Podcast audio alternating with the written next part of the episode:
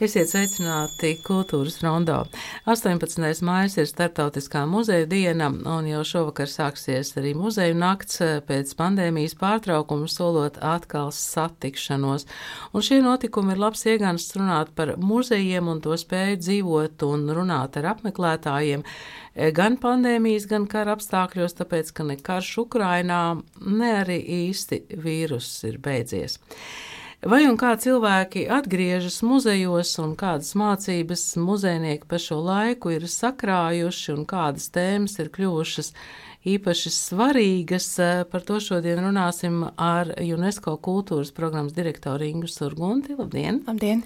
Memoriālo muzeja apvienības direktors vietnieci attīstības darbā Sanitu Kasoviču. Labdien! Labdien.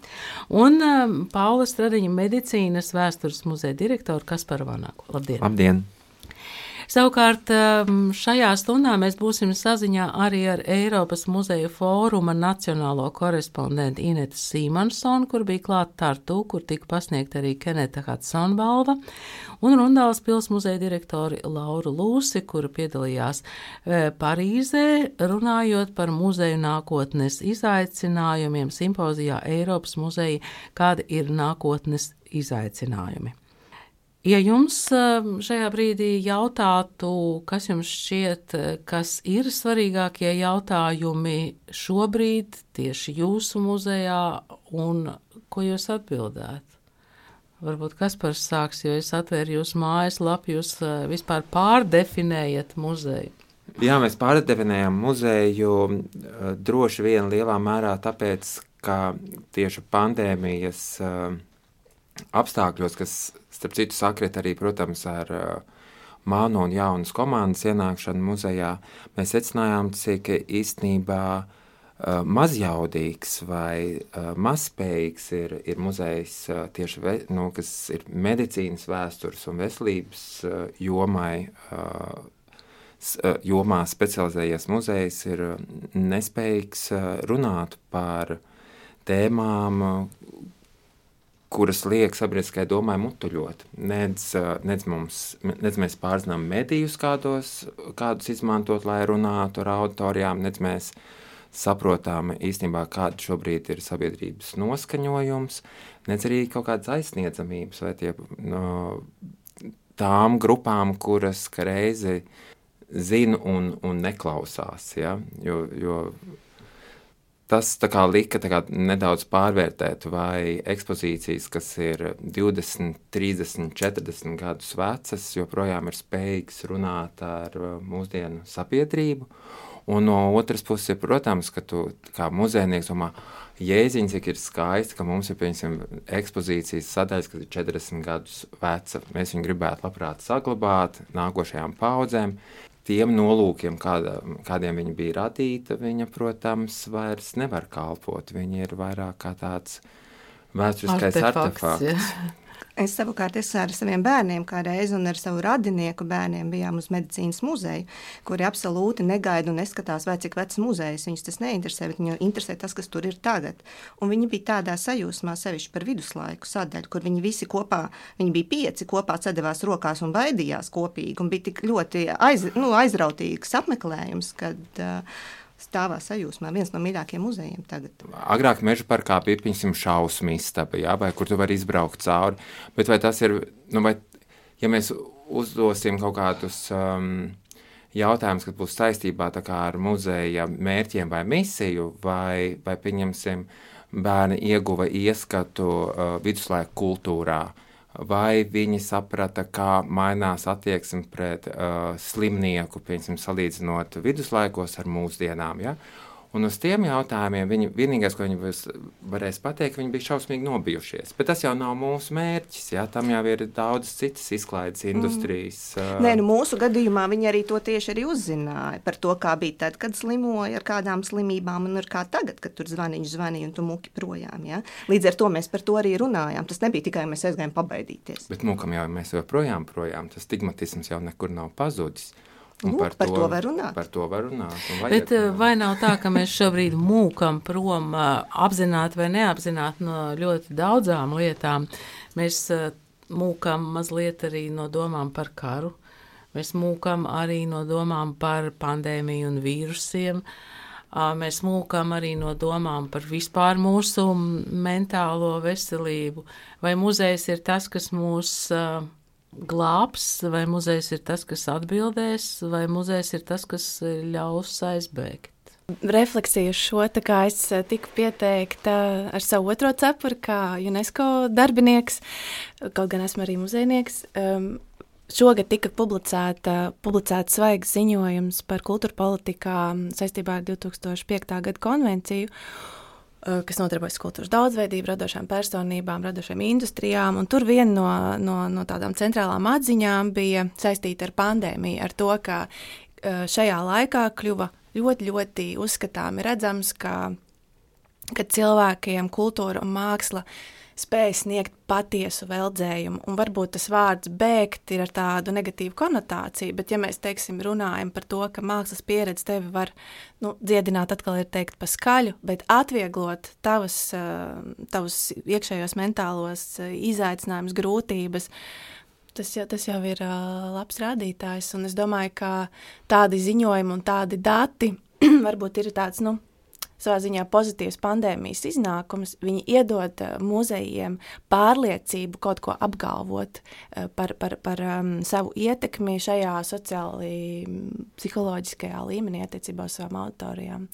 Un, uh, kāpēc lai tā nebūtu forša vieta, kur aizbēgt no trauksmes, no nemiera, no nesaprašanas, kā konfrontēties ar to realitāti, kur, kurā mēs atrodamies? Un es domāju, ka labākais ir tas, ka to muzeju ir tik daudz un tik dažādi, un katrs izvēlās to, ko viņš dara. Vai viņš par to runā, vai viņš noklusē, vai viņš aizmirstās. Jo, piemēram, mums ir desmit muzeji. Ja Jāņa Akurāta ar muzejā bija kopā ar PEN grupu, bija pasākums par un ap Ukrainu par karu, tad savukārt citā muze citos muzejos nerunā un tā ir pastkartes. Ja? Un tad, nu, jāuzticās tam mūsu apmeklētājiem, ka viņš pats aizies uz to muzeju, kurš runās ar viņu vērtēt. Un, kā, man liekas, ka ir labi, ka ir dažādi. Ir radikālāki muzeji, ir mierīgāki, ir klusāki. Man liekas, tas tas skaistums ir.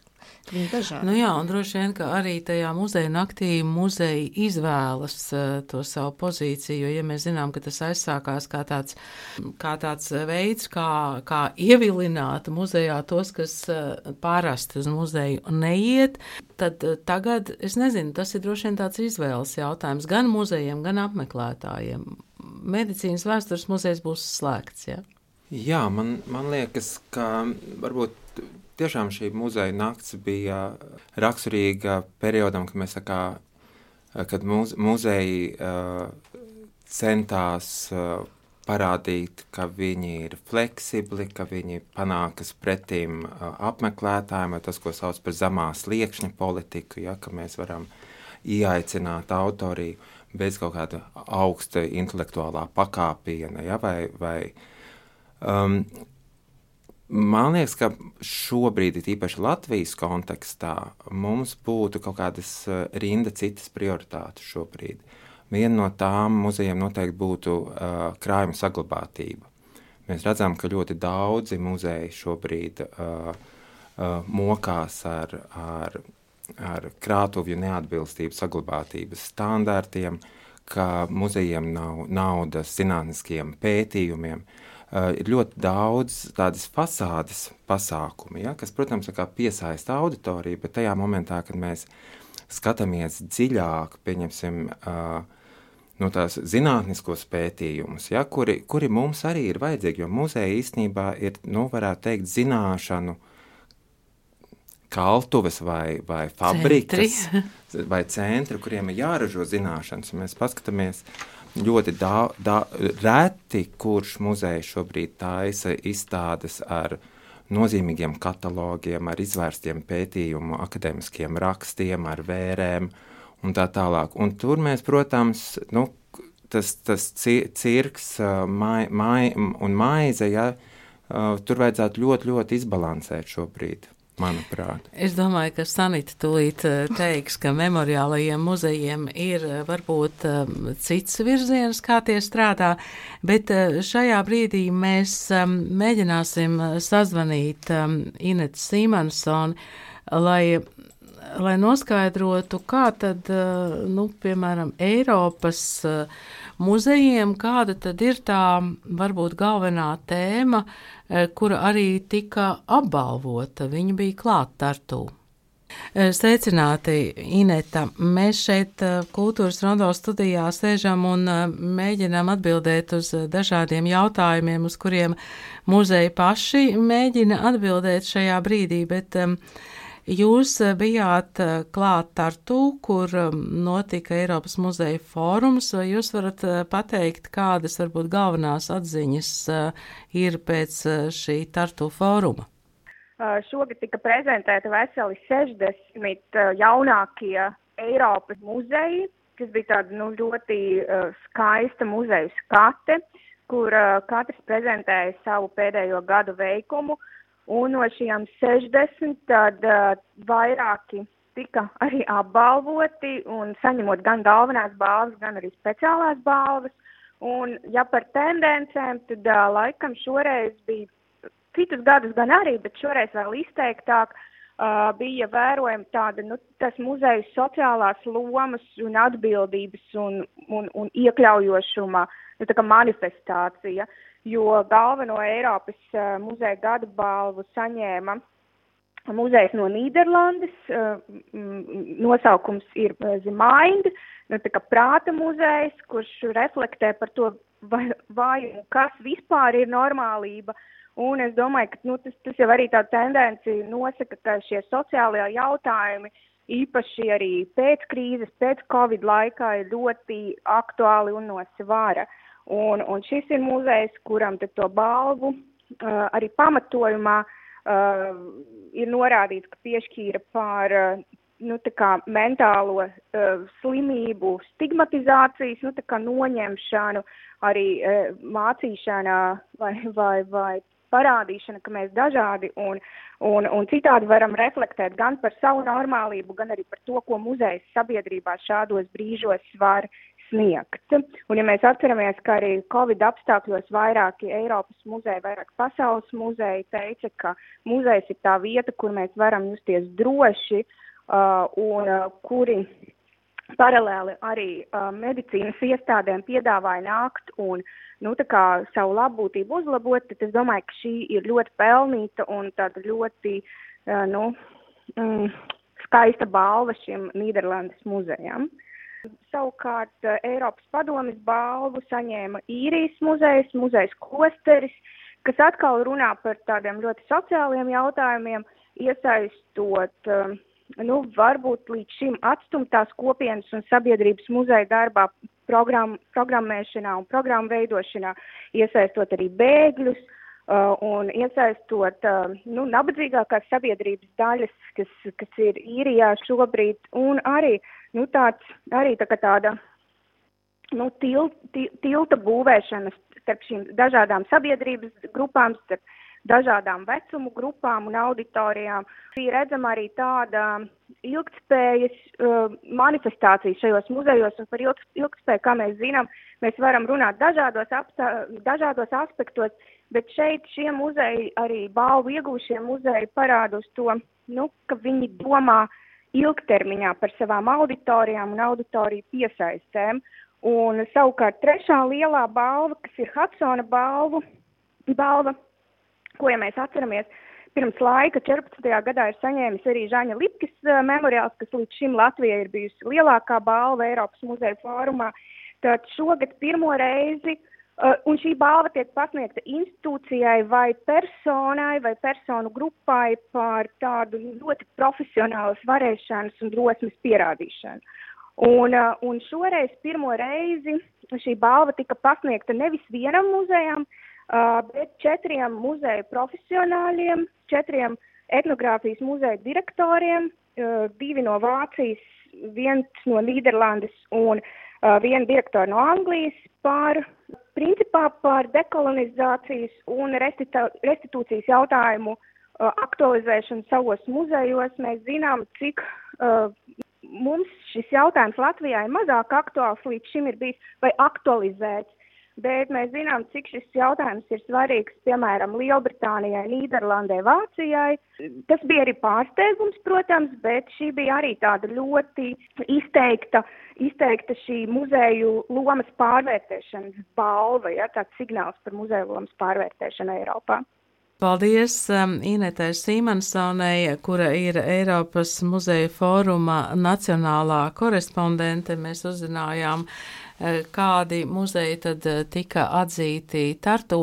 Bet šeit studijā ir Inga Surgunte, Sanita Kostoviča un Kaspars Vanaks, un es saprotu, ka ir eh, sakrājušies dažādi konteksti un, un dažādi izteikumi gan par bērniem un baidīšanos muzejā, gan par to, vai atvērt vai neatvērt muzejus naktī.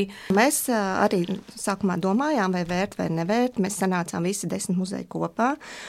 Visi kā viens nolēma, ka mēs tomēr būsim vaļā. Jo, ja Kaspars Vanaks jau iepriekš teica, ka sākumā tas tika izveidots, lai ievilktu eh, tos apmeklētājus, kas nekad neiet uz muzejiem, lai nāk uz muzeja naktīm, eh, tad tagad mēs redzam, ka mums vajag atgriezt mūsu apmeklētājus atpakaļ. Jo Covid tiešām um, tā nav tikai tāda koķitēšana ar tēmu, ka mums ir jārunā, lai viņi atgrieztos. Jo mēs skatāmies, ka tagad muzeja ir vaļā, bet apmeklējums ir mazāks, kaut gan katru mēnesi kāpj. Bet mēs šo redzam arī kā iespēju būt vaļā un atkal runāt, un lai nāk un, un atgriezt. Un, tā kā mums ir šī ekskluzīvā iespēja savā ziņā, ka mēs esam desmit, tad mums arī katrs muzejs veido savādāku programmu. Mums ir muzeji, kas runās par Ukrainas gadījumu, mums ir muzeji, kas par to absolūti nerunās. Būs, kas stādīs saules puķes, un būs uh, muzeji arī, kur ir. Uh, zinātniski pētniecisko izstāžu atklāšana tajās dienās. Mēs esam varam pastrādājuši. Nu jā, un jums ir tā priekšrocība, ka daudzi no jūsu muzejiem atrodas pilnīgi ziedošos dārzos un pļavās, un, un tur var aizbraukt vienkārši baudīt, kāda tad ir tā māja nakts. Bet Inga gribēja par baidīšanos un bērniem, ja? Jā, es to sasaistīšu arī ar to, ko, ko Sanita teica. Man arī ir muzejnieces pieredze. Esmu vairākas muzeja naktis tās šausmas cietusi, un es arī varu mhm. saprast, kāpēc muzeja sākumā grib un pēc tam vairs negrib piedalīties muzeja naktī.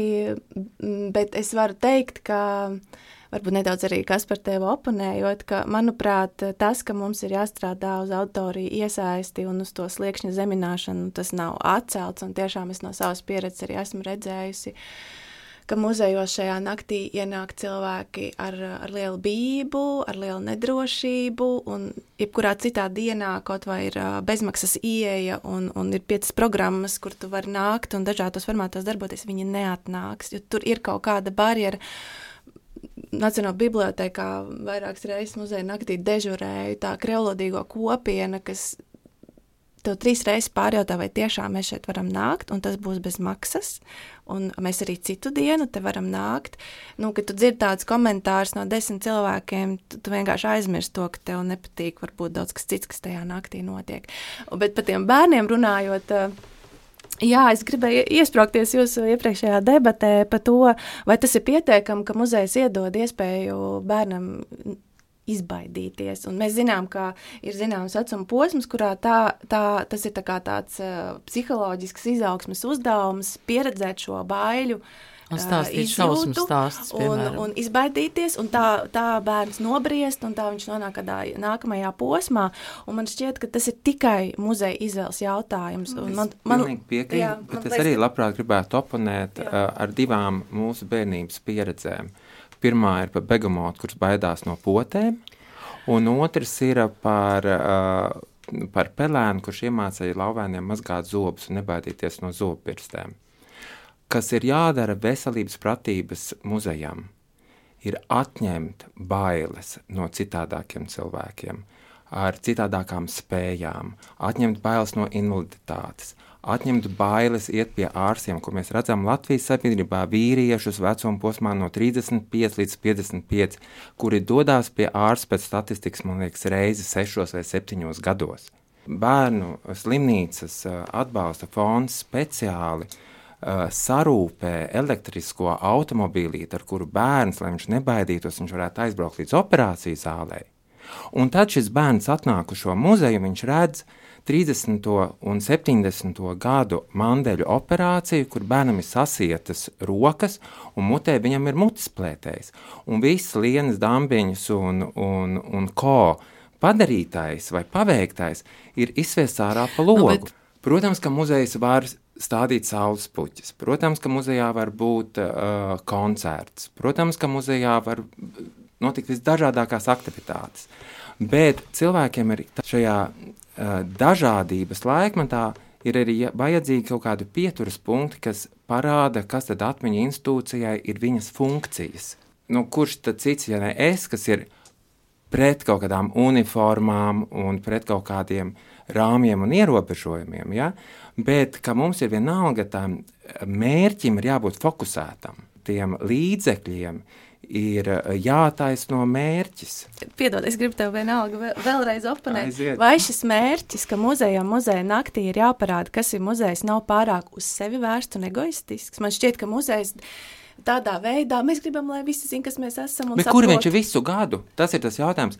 Un tagad viena muzeja nakts gadā mums atrisinās visas šīs problēmas. Es nesaku, ka tas ir tikai viens notikums, nu, bet tas ir viens piemērs. Tas ir viens solis, ko, manuprāt, ja šāds mērķis institūcijai ir, nav pamata atmest. Bet, bet viņš, ir atgriezt... jādara, viņš ir jādara jā. 300, cik tur tās dienas. Jā, mēs jau, jā, bet mēs jau nesakām, ka mēs tikai muzeja naktī strādājam. Mēs jau strādājam visu laiku arī muzeja naktī. Smagi pie tā. Jā, bet es gribēju, nu, jā, nu, jā. Nu, jā. Es gribēju pabeigt savu teikumu. Man šķiet, ka mērķim ir jābūt izējošam no sabiedrības vajadzībām. Nevis no tā, ka muzejs grib, lai visi saprot, kas viņš ir. Nu, tas, tas man šķiet, ir, ir tāds ļoti tāds poguļošanās pašam savās. Nu, vai sabiedrībai ir svarīgi saprast, kā strādā muzejs, vai viņai ir svarīgi saprast, ka, ka šajā, piemēram, Nacionālā valsts apmaksātā institūcijā viņam ir sava vieta? Man liekas, ka tas ir kā reizi galvenais uzdevums lielā mērā, lai sabiedrība saprastu, kāpēc kaut kāda daļa no viņu maksātajiem nodokļiem aiziet uz Latvijā. Ir vairāk kā 150 akreditētie muzeji. Izdaliet uz vienu iedzīvotāju, kāds apjoms mums ir muzeju Latvijā. Protams, ka mums ir jā, jāmēģina paskaidrot, kāpēc mēs esam tik daudz, kāpēc viņi ir jāuztur un kā tas, kā tas atmaksājas ja? no kultūra politikas. Es eh, dažas iebildes, eh, kas par, ja muzejā ir kaut kas tāds, eh, kas biedē, mēs no tā atsakāmies. Nē, nē, protams, ka nē. Okay. nē, nē, nē. Tas bija tas, ko es gribēju pajautāt. Nu, kā Andersena pasaka, taču mēs arī visi mīlām. Nu, jā, okay. un, un Liepājas teātrī Senkovs ir iestudējis grimus, tā kā es domāju, ar baidīšanos arī viss ir kārtībā. Akurāt ar muzejā, muzeja naktī būs par brāļu grīmu pasakām. À, nu lūk, ar jā. brāļu grīmu laikam viņa fonds, viņi atved savu izstādi. Tas starp citu. Tie jautājumi ir daudz un dažādi, bet eh, mēs ik pa laikam atgriežamies eh, pie, pie tā, ko mēs varētu saukt par mentālo veselību. Mums uh, Visiem šī mentālā veselība šobrīd ir bezgalīgi svarīga, jo vismaz eh, šajos pandēmijas gados mēs šeit rādio ik pa laikam satiekoties trepēs viens otram novēlējām, lūdzu, saglabā veselo saprātu. Arī tad, kad mēs jutām, ka kādam tas veselais saprāts sāk ļodzīties. Mentālā veselība muzejs, un varbūt ne tikai muzejs, bet atmiņu institūcijas, radošo cilvēku mentālā veselība, kas arī rakstnieku muzejos noteikti ir aktuāla. Bet, um, Inga, jums tikko ir pieredze ja, par kādu īpašu mentālās veselības jautājumu. Jā, mēs nu pat pirms uh, pāris stundām atklājām Edvarda Vēdenbauma muzeja kalāču projektu ar saīsināto nosaukumu Vairāk gaismas, kur tāds īpašais fokus ir mentālā veselība un mērķa autorija ir jaunieši. Un, jā, es domāju, ka tā ir tēma, kurai muzeja šobrīd pastiprināti pievēršas visā pasaulē. Varbūt manā redzējumā divu lielāko iemeslu dēļ. Viens būtu tas, ka jā, mums ir šis pandēmijas fons, un mēs esam redzējuši, kā jūs minējāt, pētījumi rāda to, ka cilvēki jūtas slikti un ka kultūra māksla var tajā, tajā ziņā kaut kā līdzēt, bet otrs arī tas, ka jau ilgstoši ir veikti kvantitatīvi pētījumi un, un ir tādi nu, stingri reprezentatīvi dati, kas ļauj arī tiešām teikt, ka, ka ka kultūras un, un mākslas pieredze spēja uzlabot cilvēku gan fizisko, gan mentālo veselību, gan arī tādā plašākā kontekstā labbūtību, kas ietver vairākus citus elementus. Um, gan finansiāls, gan sociāls, gan, gan, gan, gan, gan vēl kādus. Un tad es domāju, tas, tas ceļš ir līdzīgs kā, kā visās lietās. Um, um, muzejam atrast to savu īpašo kompetenci, to savu īpašo ieroci, kas ir viņam unikāls, ar ko viņš var šajā cīņā vai, vai, vai šajā pasākumā piedalīties. Jo es domāju, ka nu, katrs muzejs nevar darīt visas lietas. Un, man liekas, ir, ir brīnišķīgi, ka teiksim, Kaspars var pateikt, ka viņam svarīgs ir zinātniskais virziens. Varbūt kāds muzejs teiks, mums vispār nav tāds kapacitāts, un tas nav mūsu mērķis, bet mūsu mērķis varbūt ir. ir ģimenes bērniem, un lai viņiem būtu ko darīt kvalitatīvi. Nu, un man liekas, ka tas viss, viss ir ok. Un Kalāču muzeja gadījumā tā, mm, tas, tas ceļš, kā mēs gājām, bija tāds ļoti klasisks ar, ar tādu iekšējo resursu analīzi, ar krājuma analīzi, ar, ar to kontekstu, kas ar to korelē. Un tad jaunietis Edvards Veidenbaums, kurš, protams, pats jau iemieso tādu nemierīgu, jauneklīgu uh, garu tēlu krājums, kas, kas, kas to visu brīnišķīgi rāda, un šī aktualitāte, ko, ko mēs redzam, īpašie pētījumi, kas ir veltīti jauniešu mentālajai veselībai. Pēc pandēmijas to visu saliekot kopā, likās ļoti loģiski tieši šajā virzienā strādāt. Um, varbūt kāds muzejs izanalizējot, izējot līdzīgus uh, pašnelīs soļus, nonāks pie tā, ka viņam nav ko šajā laukā teikt un darīt, un ka tas ir kaut kā nerelevanti. Uh, Jā, līdz ar to ir tapis projekts, kas ir Eiropas ekonomiskās zonas atbalsts. Šobrīd arī tādu lielāku apgriezienu ir ieguvis, kurā mēs veidojam jaunu pastāvīgu ekspozīciju.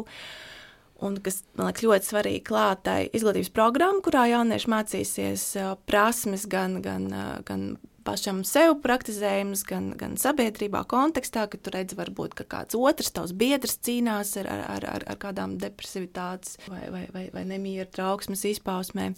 Un tiešā lieta būs mākslinieka rezidents, tie būs Latvijas un Norvēģijas mākslinieki, kas vasarā dzīvos, divas vasaras dzīvos um, pa mēnesim kalāčos, un arī ar to pašu jauniešu grupu, kas ir fokus grupa, kopā strādās ar šiem jautājumiem, ar muzeja krājumu un radīs mākslas darbus. Tāds ir šis projekts. Memoriālajiem muzejiem varbūt ir mazliet arī tāda funkcija, Eh, kā tagad mēs mēdzam moderni saukt eh, kopienas saliedēšanai. Jūs to jūtat, Sanita? Jā, protams, un eh, savukārt atsaucoties arī to, ko Inga Surguna tikko stāstīja par Vēdenbaumu, mēs ar kaut ko līdzīgu nodarbojamies, bet ar Aini. Un tas ir Aini muzejā Jasmuži, kur arī ir kopiena un arī būs jauniešiem, jo tas ir periods, kur ja, Rainis ir jauns, un uh, tur tiks savukārt analizēts viņa dienas grāmatas un viņa vēstuli skolas. Tur ir tik ļoti interesanti. Mēs arī esam piesaistījuši psihoterapeitu. Tiks analizēts vienā dienā, kaut vai ko Rainis raksta vēstulē, ko mēs rakstām Instagram, Facebook un ko viņš raksta savā dienas grāmatā. Un dienas grāmatā ir ieraksti pat par pašnāvnieciskām domām, par, uh, par to, ka viņš neko sevi ne, nepazīst, no viņa nekas nesanāks. Savukārt vēstules ir brīnišķīgas, humora pārpilnas, un, un mēs arī esam procesā, bet mums ir pašreiz izstrādāts tikai tehniskais projekts, un Inga ir krietni tālāk uz priekšu, bet arī, jā, mēs runāsim šeit ar jauniešiem arī par mentālo veselību. Jūs abas par jauniešu mentālo veselību, bet uh, kas par jūs par demenci? Jā, pas, es tieši tāpēc gribēju teikt, man liekas, kas arī ir ārkārtīgi interesanti, kas ir skaists piemērs ja, par šiem jaunības muzejiem, jo man liekas, tā lielākā sāpe ļoti bieži uh, gan memoriālajiem muzejiem, gan muzejiem vispār, kuri pievēršās personālajām. Ja? Ka pārsvarā jau nu, ar ļoti maziem izņēmumiem to muzeju pasaules, kad ir cienījams meistars aizgājis. Un tas nozīmē, ka vairumā krājumus, kad mēs paskatāmies, krājumus, nu, kad tu aizēji pie tā pie tās atraitnes, piemēram, apskatīties, ko tas muzejs varētu paņemt, tās liecības ir par vecu cilvēku. Tās ir brilles, spieķis, kā es redzu, pieņemsim, uh, profesora Bieziņa memoriālā muzejā Madonā. Pensionāri grāmatiņa. Nu, viņš jau jauns nomira, vai ne? Jau jaunībā viņam bija brilles un, un tad, ir, un tad mēs tieši par to domājam, kā, uh, kā šis te vecā kad, ka ļoti bieži tas krājumos esošās liecības, ka viņas jau stāsta būtībā jau par nogurušu cilvēku. Ar viņu ir ļoti, no nu, ar šo nogurušo cilvēku ir diezgan grūti strādāt ar plašām auditorijām. Tīpaši, vai, nu, ja mēs zinām, ka tik daudz, piemēram, nu, būsim godīgi, liels, lielu apmeklētāju skaitu muzejiem sastāv tomēr skolu apmeklējums. Ja? Un otrs ir, ka mums šobrīd arī uh, medicīnas vēstures muzejā ir Annas Priedolas tāda vizuālai statistikai uh, veltīta izstāde par demenci. Un mēs uz, uz šo jautājumu palikojāmies, ka reizi uh, ne tikai par, par to, kā sabiedrība uztver un kādi ir stereotipi un eģisms attiecībā pret vecāku gadgājumu cilvēkiem, bet arī pret novecojušām atmiņas institūcijām. Jo, būsim godīgi, arī daudzām atmiņas institūcijām ir demences ja, pazīmes. Un tad ir tas jautājums, ja mēs runājam par iekļāvību, kur mēs gribam, piemēram, seniorus, ar kuriem kuriem ir mainījušās kognitīvās spējas. Es saku, ka viņas ir mazinājušās, viņas ir mainījušās, viņas ir pilnīgi citādākas. Ja? Kā mēs viņus iekļaujam sabiedrībā, vai kā mēs viņus uztveram, ka viņiem, viņiem ir dažādu apziņu zipšņi, un mums visi viņi īstenībā ir jāņem par pilnu kaut kādā mērā. Un tas pats ir ar to atmiņas institūciju, ar demenci, ka jā, es pilnīgi piekrītu tā viduslaiku telpa, viņi ir jāņem par pilnu, bet ir jāsaprot, ka viņi ir citā realitātē arī tajā pašā laikā. Un tas ir ārkārtīgi interesanti arī tā nu, muzeja mentālā veselība, ja tā sakot, novecojuša muzeja. Jo mēs redzam, ka viņš, viņam ļoti daudz sāp, viņš pārdzīvo, viņš netiek līdzi laikam. Uh, viņš nespēja komunicēt, viņš nepazīst valodas, ja kādā runā, piemēram, jaunatne. Nu, tāda garā dzīve. Ja? Garā dzīve, jā. Es, kas par tavu projektu gribēju pārjautāt, tas mērķis ir um, darīt sabiedrībai saprotamāk cilvēku, kurš cīnās ar demenci, vai strādāt tieši ar šo grupu, kur ir, kuru ir skārus demenci? Uh, kas gan, ir jūsu auditorija? Uh, ir gan, gan. Uh, pirmkārt, uh, man ļoti uzrunāja tas, ka Anna nav izvēlējusies tādā konjunktūras ziņā šo tēmu, bet viņai vecais tēvs bija ar ļoti smagu demenci. Un uh, lielā mērā šis darbs ir tapis runājoties ar uh, radiniekiem, kuriem ģimenēs ir seniori ar demenci. Un, un kas ir interesanti, tajā viņa statistikā parādās, ka tie ir 75% tās ir sievietes, kas ģimenēs rūpējās par šiem veciem senioriem. Ja? Piemēram, nu, uh, līdz ar to šī izstāde ir daudz, daudzajādi par cilvēkiem, kas rūpējas par, par šiem senioriem. Tad ir tādas sauktās datu darbnīcas, kas ir reizes senioriem, kur tiek stāstīts, kā jāmaina uztura paradumi. Uh, uh, caur šo uzturu tā ir viena no tām pēdējām tēmām, par ko arī cilvēki ar demenci var runāt. Garšo, negaršo, kā izskatās, esmu izsalcis, nesmu. Ja? Tā tā, tā, viena no tiem dzīvības salmiņiem. Ja? Un trešais, ko es teicu, mēs ievelkām vēl to institucionālo kritiku, mm. arī par to, ka mēs raugamies arī uz mums kā atmiņas institūciju un kas notiek, kad atmiņa ļodzās vai kļūst citādāk. Jā, es to jautāju tādēļ, ka man šķiet, ka muzejs var strādāt ar šīm veselības, labotības, mentālās veselības jautājumiem ļoti, ļoti plašā spektrā. Mēs varam vienkārši informēt par to, mēs varam uzlikt sev mērķi, mēs definējam cilvēku kopienu, kuri sirgst vai, vai cīnās ar kaut ko. Mēs kā muzejs izmantojam savu resursu, lai viņus fiziski ļoti konkrēti atbalstītu. Mēs varam veidot kaut kādas mākslinieciskas pro, nu, provokācijas vai, vai, vai tādas nu, domāt, rosinošas darbus. Tas spektrs ļoti, ļoti plašs. Man liekas, ļoti skaidri jāsaprot, ko tu katrā tajā projektā gribi tiešām panākt. Man liekas, ka visiem trim tiem piemēriem, ja vajadzētu būt uh, uh, Rainas jaunībā vai, vai uh, Kalāču muzeja vai šeit šeit demens, uh, kas atkal ir tā, tā, tā ēnas zona, nesaprotamā, ir likumdošana. Kurš drīkst runāt par veselības un ārstniecības jautājumiem ja, Latvijā, uh, kurš uh, var sniegt piemēram, psih, uh, psih, psihoterapeita palīdzību, ja, kā, kādi, kādas ir, nu, līdzīgi kā, piemēram, Mums ir arī farmācijas muzejs kā filiāli Vecrīgā Vāgnera ielā. Un farmācijas muzejs, kas ir farmācijas muzejs, nedrīkst būtībā runāt par medikamentiem. Bet es domāju, ka tas ir Jā. labi, jo man šķiet, ka šobrīd Skaidrs, jā. kultūras nozarē ir tāda vēlēšanās. Yes, mēs tagad padzirdējām, ka Jā. mēs varam uzlabot labbūtību, mēs apgalvojam, ka mēs to darīsim, Tieši. nāciet pie mums. Tieši. Ir jābūt ļoti rūpīgiem. Tieši to, to, to es gribēju solām. uzsvērt. Es nesaku to kā kritiku, bet ka reize, ka tur ir ļoti jāskatās, ko kurš drīkst, uh, ir kompetents un ir tiesīgs runāt. Ja? Bet es domāju, ka tur var būt arī otrs grāvis radīt slimīgu interesi par to, jo man, piemēram, šķita ļoti dīvains paziņojums, ka muzeja naktī īpašās ekskursijās tiek aicināti cilvēki uz psihiatrijas un narkoloģijas centru. E, Vienā brīdī es saprotu, ka jā, tas ir it kā noņemt to, to stigmatizāciju, it kā šīm e, psihiatrijas e, visām lietām no otras puses.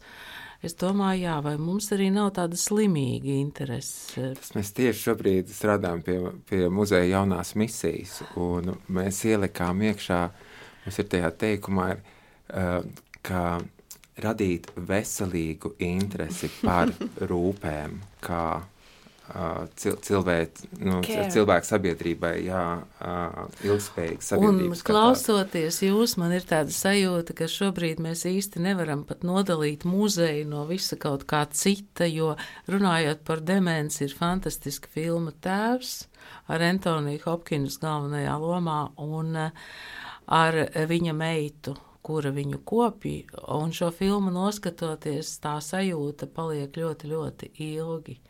Man liekas, nevaram nodalīt, kur beidzas muzejs, kur sākas kaut kas cits, kur sākas dzīve. Vai... Bet man šķiet, 21. gadsimts. Tā Tiešām? ir visu tā, ir viss ir fluīds. Bet man liekas, ka, ka, ka, ka tas tikai parāda to, ka, ka sabiedrībā, pasaulē kopumā ir nobriedusi gatavība runāt par šīm tēmām, un, un, un muzejiem tikai atliek nu, tā teikt, izmantot šo gatavību, pieslēgties šai gatavībai. Uh, varbūt ka sabiedrība ir gatava runāt, bet viņai nav valodas, viņai nav vārdi. Uh, lai nosauktu, kā Vailds runāja par so- homoseksuālismu, par kā mīlestību, bez, bez kurai nav vārda. Ja?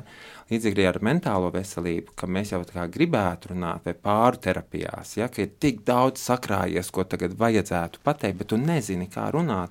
Un tajā ziņā muzeji tātad kļūst par tādiem lingvistiem, vai viņi dod šos te vokabulāru, lai iesaistītie varētu sākt Bet runāties. arī vietu, man liekas, ļoti Arī, svarīgi. protams. Arī vietu. vietu un telpu. Mēs šobrīd piemēram, strādājam pie, pie muzeja piebūvē, kurā mēs vēlētos rekonstruēt un būvēt augšā bērnu muzeju. Būtībā tādu pirmo Latvijā, tiešām, kas ir tieši bērniem, un kur arī bērni varbūt Muzejs viņu bērniem. taisa. Jā, un kur bērni arī paši ir iesaistīti viņu taisīt. Un tur mēs nonācām pie tādas diezgan šokējošas apziņas, ka no jaunatnes uh, skatu punkta ir pilnīgi mainījusies sapratne par to, ko mēs saucam par uh, vēsturisko mantojumu. Tā būtībā jaunotim šobrīd vēsturiskais mantojums ir, kādu mēs viņam atstāsim planētu, kādā ekoloģiskā situācijā. Tas būtībā viņam pirmais jautājums. Dažādi cilvēki viņus uztver dažādi. Katrā ziņā ikvienam ir ļoti spilgtas sajūtas, ieejot memoriālajā muzejā. Ir auditorijas, kas ieiet tiešām viņas atgriežas, un tiem, kuriem interesē, viņi nonāk citā vidē. Ir savukārt tādi, kuriem nomāca kaut kādi aromāti, bet kas ir, man liekas, pats svarīgākais, neviens nepaliek vienaldzīgs. Katram ir kaut kādas citas pieredzes šajos muzejos. Tagad ļoti vienkārši redzēt, vai nu, ļoti viegli skatīties uz savu institūciju caur jauniešu acīm. Tāpēc, ka viņš, protams, visu fotografē, viņš visu liek savos, savos sociālos tīklos un pievieno klāt hashtag. Es, ja tu pameklē caur Tēmturi, ja?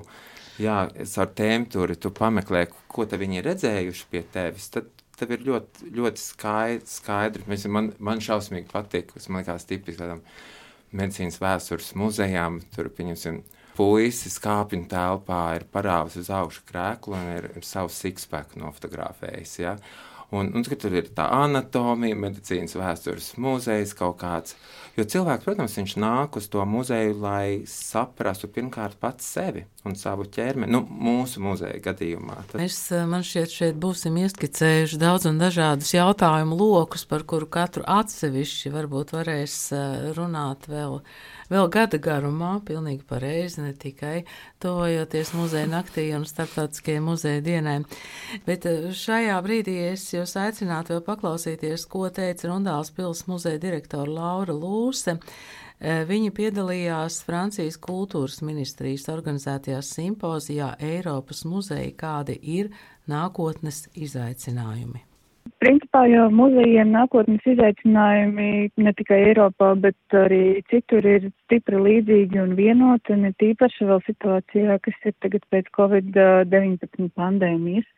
Bet uh, daudz arī nekas nav mainījies no tiem galvenajiem jautājumiem, kas tiek uzdot attiecībā uz muzejiem un uz kolekcijām, jo nu, fundamentālai jautājumi ir saglabājušies tādi paši, kādi tie bija arī gan pandēmijas laikā, gan pirms pandēmijas vēl sastopami. Tās galvenās uh, jautājumu grupas, kuras tika apspriestas, arī ir saistītas gan ar uh, vēstures interpretāciju un kolekciju interpretāciju, ar pētniecisko darbu, ar jaunu mērķu auditoriju piesaistu muzejiem un kā tālāk tad eh, strādāt ar apmeklētājiem kādā formātā.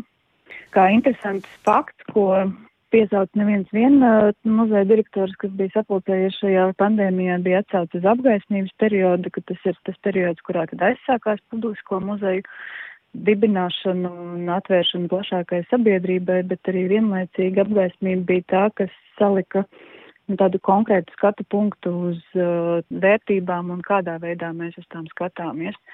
Un tad uh, no tā laika šobrīd esošajā mantojumā mēs pārvērtējam veidu, kā kolekcijas tiek interpretētas, proti notiek gan dekolonizācijas process un vēsturiskā taisnīguma meklējumi, tātad piešķir visām šīm lielajām universālajām Eiropas muzeja kolekcijām arī balsi piešķirt tām sabiedrības daļām, kas tur ir atspoguļots, bet par kurām līdz šim nav ticis runāts. Un kā viens no spilgtākajiem piemēriem šajā sakarā ir jāizceļ Riksmuzejumu Nīderlandē veidotā izstāde par verdzību, kur tad uh, pārvērtē arī Nīderlandes koloniālo vēsturi. Un uh, par verdzību runā ne tikai ar muzeja kolekcijas piemēriem, bet arī caur personīgiem stāstiem no desmit izstāstītiem stāstiem, kas ir vergu pēcteču stāsti ierunājot balsīs šo te mm, vecāku un uh, paudžu paudzēs pārmantoto stāstu pieredzi. Sakiet, vai varēja jau runāt par um, tādu postpandēmijas muzeju vai to, ko muzejiem ir nodarījusi pandēmija, vai tas ir vēl par agru? Tādā izvērtējuma procesā pateikt to, ko pandēmija ir nodarījusi muzejiem, droši vien, ka šobrīd vēl būtu par agru, jo arī šī situācija nav homogēna pilnīgi visur.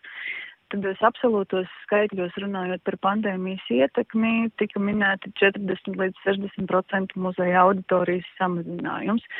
Un tad uh, Eiropas kontekstā arī norādīja, ka muzeja apmeklējums pēdējos gados arī pirms pandēmijas Eiropā bija krities. Nu, tā ir pilnīgi pretēja situācija tam, kāda ir novērojama Latvijā. Mēs zinām, ka 18. gadā veiktais pētījums uzrādīja to, ka un arī mums no pašiem sekojot līdzi tam, kāds ir apmeklējums skaits, piemēram, Rundāls pils muzejā, mēs secinājām, ka tas tikai auga nu, pirms pandēmijas. Tā kā arī šeit, nu, tādā vispārīgā aspektā tā aina droši vien, ka nebūtu viennozīmīga. Ja lielākā daļa teica, ka apmeklējums ir samazinājies, tad eh, pārsteidza Polija, kuri stāstīja, ka viņiem kā reizi pandēmijas ietekmē ir pieaudzis uh, apmeklējumu skaits uh, ar nacionālo un nacionālo patriotisko vēstījumu saistītos muzejos. Un kā viens no tādiem tika minēts arī Vāveles pils muzejs Krakovā, kur apmeklējums pat ir nu, pieaudzis gandrīz vai uz pusi salīdzinājumā ar pirmspandēmijas periodu. Nācīm redzēt, viņi ir veikuši ļoti mētiecīgu šo popularizēšanas kampaņu vietējā sabiedrībā, un tā kā nebija iespējams vietējai sabiedrībai tik daudz ceļot, tad vairāk poļi droši vien ir ceļojuši pašā Polijā. Bet nu, tas ir tāds absolūti unikāls gadījums. Un vēl viena no kopīgajām iezīmēm, ko varēja novērot uh, tieši Covid pandēmijas seku rezultātā ir tā, ka lielākā daļa muzeja ir izstrādājuši arī kaut kādu digitālo piedāvājumu, un uh, veicinājuši saskarsmi ar auditoriju caur sociālajiem tīkliem kas patiesībā ir nevis mazinājis muzeja apmeklējumu un ieinteresētību par muzejiem, bet tieši palielinājis cilvēku interesi par muzejiem un tāpēc mudinājis nu, jau tajā brīdī, kad uh, var apmeklēt muzejus, tad uz muzejiem arī doties. Nu, un pārsvarā tā ir tāda meķa auditorija, kas līdz, līdz šim nebija sasniegta. Sakiet, uh, kā cilvēki atgriežas Rundāls pils muzejā? Rundāls pils muzejā, nu, pat labāk, kad uh, sākās siltā sezona, cilvēku apmeklējums ir lielāks, uh, bet, nu, kopumā tas, protams, ka vēl nav sasniedzis tos apmērus, kāda bija 19. gadā. Turisma sezona Latvijā arī pamazām tikai sākās, un droši vien, ka šogad turismu ietekmēs arī situācija Ukrainā Krievijas karš Ukrainā, jo tādēļ uz Latviju brauc uh, mazāk ceļotāji gan no Vācijas, gan Francijas, gan citām Eiropas valstīm, uzskatot, ka šī zona arī ir mazliet bīstama drošai ceļošanai. Un to mēs redzam arī no grupu atteikumiem, kas bija iepriekš rezervējuši savus vizītes Rundāls pilī. Un sākoties karam Ukrainā, tad ir atteikuši braucienus. Savukārt atbildot uz jautājumu par muzeju nakti, tā kā Rundāls pils muzejs atrodas uh, prom no lielākām apdzīvotām vietām, tad, uh, lai mēs varētu piedāvāt cilvēkiem kaut ko muzeja naktī, mums būtu jātaisa, nu, vērienīgs pasākums, iesaistot ļoti daudz darbiniekus un uh, nodrošinot gan eksponātu drošību, gan uh, visu pārējo, un tāpēc uh, vēsturiski, jo tā ir iegājies, ka Rundāls pils muzejs muzeja naktī nepiedalās. Jā, jūs dzirdējāt, ko teica Rundāls pils uh, muzeja direktore Laura Lūse. Es ieteiktu tiem, kas uh, to muzeja nakti tiešām uh, grib izmantot un nestaigāt lieki, bet braukt un iet tur, kur patiešām muzeja vai jebkādas citas institūcijas ir atvērts, tad meklējiet internetā šo informāciju. Tātad Rundāls pils muzejs būs slēgts, Latvijas Nacionālā mākslas muzeja galvenā ēka drošības apsvērumu dēļ arī būs slēgta, medicīnas muzejs būs slēgts, memoriālie muzeji būs atvērti. Jā, visi desmit. Un arī kalāģi būs atvērti, jā? Uz laukiem. Ja jūs tagad um, mēģinātu nodefinēt atbildi uz jautājumu, kāpēc cilvēkam ir jāiet mūsdienās uz muzeju. Es taču visu varu apskatīties internetā. Atnākot uz muzeju, tā ir vēl viena papildus dimensija, uztveres dimensija, ko tu iegūsi tikai muzejā, nevis digitāli. Tas, ko manuprāt, kāpēc ir atkal jānāk uz muzejiem. Eh, ilgu laiku viņi bija slēgti, vai arī tad, kad bija Covid laikā, un bija varēja nākt, bet uh, nevarēja nekam pieskarties, un mēs esam arī pieraduši nepieskarties. Tad uh, Covid laikā tieši Memoriālo muzeja apvienībā, kas ir viens, ko es aicinātu visiem atnākt uz Raidņu Aspazīs vasarnīcu, ir programma Sajūtu ceļojums, kas ir taktīla programma, ko tagad var izmantot, lai gan mēs pirms tam un pēc tam tāpat visu dezinficējam. Bet tā programma sākotnēji tika izveidota cilvēkiem vairedzīgiem un redzes traucējumiem, bet viņu var izmantot tik viens, lai iejustos. Un, un tās ir tās pieredzes šajā gadījumā, ko jūs mājās digitāli noteikti neiegūsiet. Jā, es varbūt tā anarchistiski iesākšu. Es domāju, ka nav tādu drošu pierādījumu, ka cilvēkiem ir jāiet uz muzeju. Es domāju, tā ir tiešām viena iespēja, kā uzlabot savu labsajūtu, jo kamēr mēs esam fiziskas būtnes, mums ir svarīgi kustēties, mums ir svarīgi izgulēties, paēst, elpot, un muzejs ir viena, viena vieta, viena tāda īpa, īpaša telpa, kurā to visu var iegūt, un arī tad, kad mēs strādājam kalāčos ar jauniešu grupu, Tad, kad viņi ir veselu dienu kalāčos analizējuši veidembaumu tekstus un, un līmējuši lapiņas un, un strādājuši pie ekspozīcijas satura, finālā tas, ko viņi atzīmē kā savus lielākos iegūmus, bija jautri, bija garšīgi, bija laba kompānija. Man liekas, ka tas viss ir tāda pievienotā vērtība, ko muzejā var iegūt. Nevilšus iegūstot arī zināšanas man liekas, ka Latvijā mums ir ārkārtīgi būtiski, ka muzejs ir tās vietējās kopienas uh, tikšanās vieta, kur mēs varam kūrētas sarunas savā starpā uh, baudīt. Jo, protams, ka nu, tas ir tāpat kā viesībās, vai mēs runājam par visu un neko, vai tomēr kāds uzņemās to, to sarunas virzību, nofokusētu, lai, un arī lai cilvēki nerunā viens otram pāri, lai ieklausās. Un muzejs, man liekas, ir noteikti tāda vieta varētu būt. Ja muzejā tu redzi, kas tur, pieņemsim, nāciju kopā, kas tur mūsu kopā kā, kā pilsētniekus, rīdziniekus, ja? Jo ir tā sajūta, ka sāk pazust piederība, Tā kā tad ir jāiet uz sazemēties muzeju. mazliet. jā, tad ir jāiet uz muzeju. Vai arī pieņemsim, mēs katrs dzīvojam tajā savā burbulī, un mēs arī varbūt ejam pat uz viena veida muzejiem, vienmēr mēs skatāmies. Vai vispār neejam, vai viena veida pizzērijām. Un kad uh, noriskēt, pieņemt šo izaicinājumu, aiziet uz cita veida muzeju, aiziet uz kaut kādu muzeju, kur tu nekad neesi bijis, nu, to savu burbuli pārspridzināt. Un tad redzēt, un kaut kādas emocijas, nevis kaut kādas, bet noteikti iegūt emocijas. Kādas? Un Tas tad, to tad redzēs, jo nav ne labas, ne sliktas. Emocijas arī zināšanas. Arī zināt, Ar protams, ļoti Pilnā mērā muzejā var tikt atjaunots tas moments, kas ir iespējams tikai klātienē, caur skatienu, caur žestu, par, caur pilnīgi fizisku sajūtu par to, ka ir vēl cilvēki un, un man ar viņiem ir kāda darīšana. Ne, ka pasaule ir reāla. Jā, paldies jums, ka jūs šeit reāli bijāt klātesoši Latvijas radio studijā. Inga Sorgunta, UNESCO kultūras programmas direktora un Veidenbaum muzeja projektu vadītāja, Sanita Kosoviča, memoriālo muzeja apvienības direktors vietniece attīstības darbā un Kaspars Vanaks, Paulas Stradiņa, medicīnas vēstures eh, muzeja direktors. Tātad emocijas, zināšanas un, protams, plus vēl katra individuālās sajūtas. Paldies jums!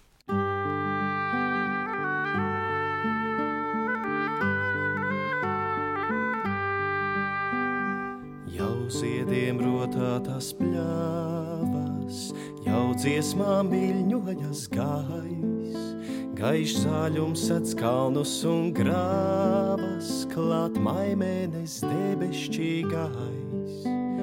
Jau ziediem rotā tas pļāvas, jau dziesmām viļņojas gais, gaišs zaļums sec kalnus un grāvas, klāt maimēnes debesšķīgais.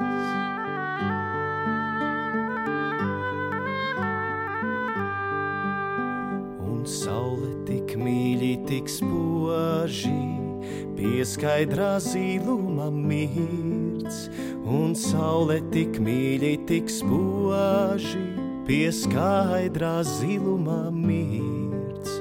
Un lapoti meži tikoši, un līksmi puks cilvēkam sirds. Un lapoti meži tikoši, un līksmi puks cilvēkam sirds.